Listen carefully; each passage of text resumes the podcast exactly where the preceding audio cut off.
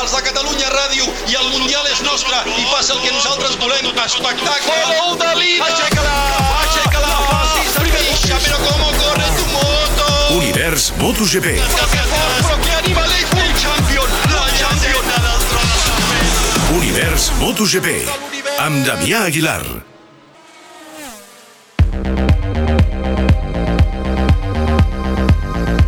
Teníem molta gana i ell ens ha donat menjar. El tro de Cervera ha tornat a guanyar 581 dies després i, com diu un amic meu, sense psicòleg. Però tampoc no ens enganyem, de dubtes n'ha tingut i molts, només que té un entorn amb majúscules i ha sabut picar les portes adequades com la d'amic Duhan, que no té el títol de psicòleg però de lesions en sap un munt. Va guanyar cinc títols consecutius eh, després de recuperar-se. Així que li vaig dir, puc trucar un dia i m'expliques tot el que va passar i m'ho va explicar.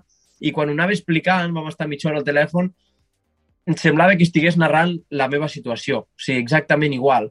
Eh, va tornar, la moto no era la que havia deixat, eh, no en tenia res, després van tornar la moto que havia deixat, tampoc en tenia res, caigudes estúpides, errors estúpids, eh, però bueno, eh, un dia anava ràpid i no en tenia per què, l'altre dia anava lent i no en tenia per què, però bueno, eh, això em va donar molta tranquil·litat de que s'ha de continuar treballant i que tard o d'hora buscarem o trobarem un moment de més estabilitat.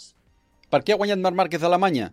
Per aquest circuit tan d'esquerres i per la seva capacitat d'anar-hi ràpid. Aquí la moto compta menys que el pilot, però bàsicament per la seva actitud de sortir a guanyar. I és que el seu cap tècnic, Santi Hernández, està parlant del 2022 a Dazón. El año que viene luchando por el Mundial y, y, por cada victoria. Pues no era impensable no hacer un podio este año y tener concesiones el año que viene. Ha sortit a guanyar, sí, quan ahir va dir-nos que el podi era remot, però també és cert que la victòria li arriba perquè l'olfacte el té ben fi. A la vuitena volta han començat a caure quatre gotes, quatre, i allà ell sap nedar millor que ningú i ha passat de tres dècimes de marge a un segon tres dècimes. Miguel Oliveira, que avui ha fet el paper de caçador sense peça, ho ha explicat així a Dazón. El momento clave ha sido ese, eh, cuando ha empezado a llover. Como sabemos, Marc entiende muy bien y muy rápido eh, las condiciones de grip. Eh, y ahí ha arriesgado eh, más que todos. La diferència de Marc Márquez sent líder ha arribat a ser de dos segons. A partir de la volta 15 hem començat el descompte i Oliveira anava retallant, a poc a poc. Pensa que gairebé fins al final el català i el portuguès anaven marcant els millors temps als dos primers sectors. Fins que quatre voltes per al final, quan la diferència era de 9 dècimes aproximadament, el pilot de KTM ha decidit que no volia arriscar més. Marc Márquez no guanyava des del novembre del 2019. Honda no guanyava des del novembre del 2019 i segurament passarà més temps fins que Márquez pugui repetir o Honda pugui repetir. A Assen, diumenge que ve, hauria de tornar a la seva realitat patidora, però un cop torni de vacances, potser a partir d'Àustria, a l'agost, el panorama canvia.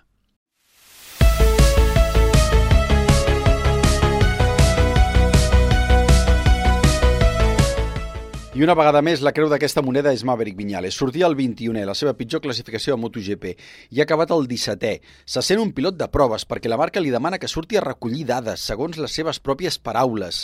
És tot molt estrany, eh? Jo recordo que el 2019 va utilitzar les dades de Quartararo, però ara diu que s'hi nega i no tira la tovallola. La rueda trasera me patina mucho. Y llevo ya desde Portimao diciéndolo. Y no hay, no hay solución ninguna. Han pasado ya seis carreras para encontrar una solución. Pero lo que más me frustra es no tener respuesta a por qué no tengo grip cuando toco el gas. Como piloto me siento muy frustrado, mucho. Cada piloto ha de portar el seu setting. No pot ser que porti dos anys posant el setting de, del meu contrincant. No pot ser. Cadascú té el seu setting, té el seu estil i cada dia m'ensenyen a pilotar. Agafa el freno, no agafa el freno, obre el gas, no obre el gas. És complicat perquè he de posar molta paciència i no vull, no vull que em posin el setting del Fabio perquè jo no condueix com el Fabio. No me vull adaptar a una cosa que, que a ell li va bé, però a mi no va bé. Llavors no me vull adaptar a això. Vull que me faci una moto per mi, que me vagi bé. No estic aquí per fer el 23. I ni per agafar dades ni per ser test rider. No sé si m'entens. Al final, arriba un moment que com a pilot dius, joder, sembla una falta de respecte això, ja al final.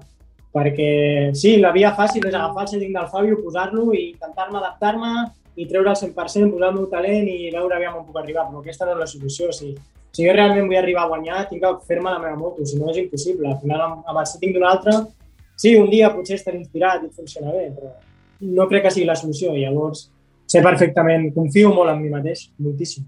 Sé perfectament on puc arribar. La tovallola no la tiraré mai. No ho sé, potser, no ho sé. Poden passar mil coses, però jo no la tiraré mai.